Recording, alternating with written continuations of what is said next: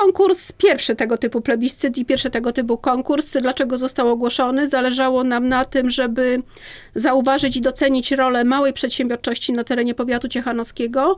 I zależało nam przede wszystkim też zwrócić uwagę na branże, które przede wszystkim są domeną kobiet i które do tej pory nie były zauważane, doceniane, a bez których my tak naprawdę na co dzień nie możemy funkcjonować. Także to jest.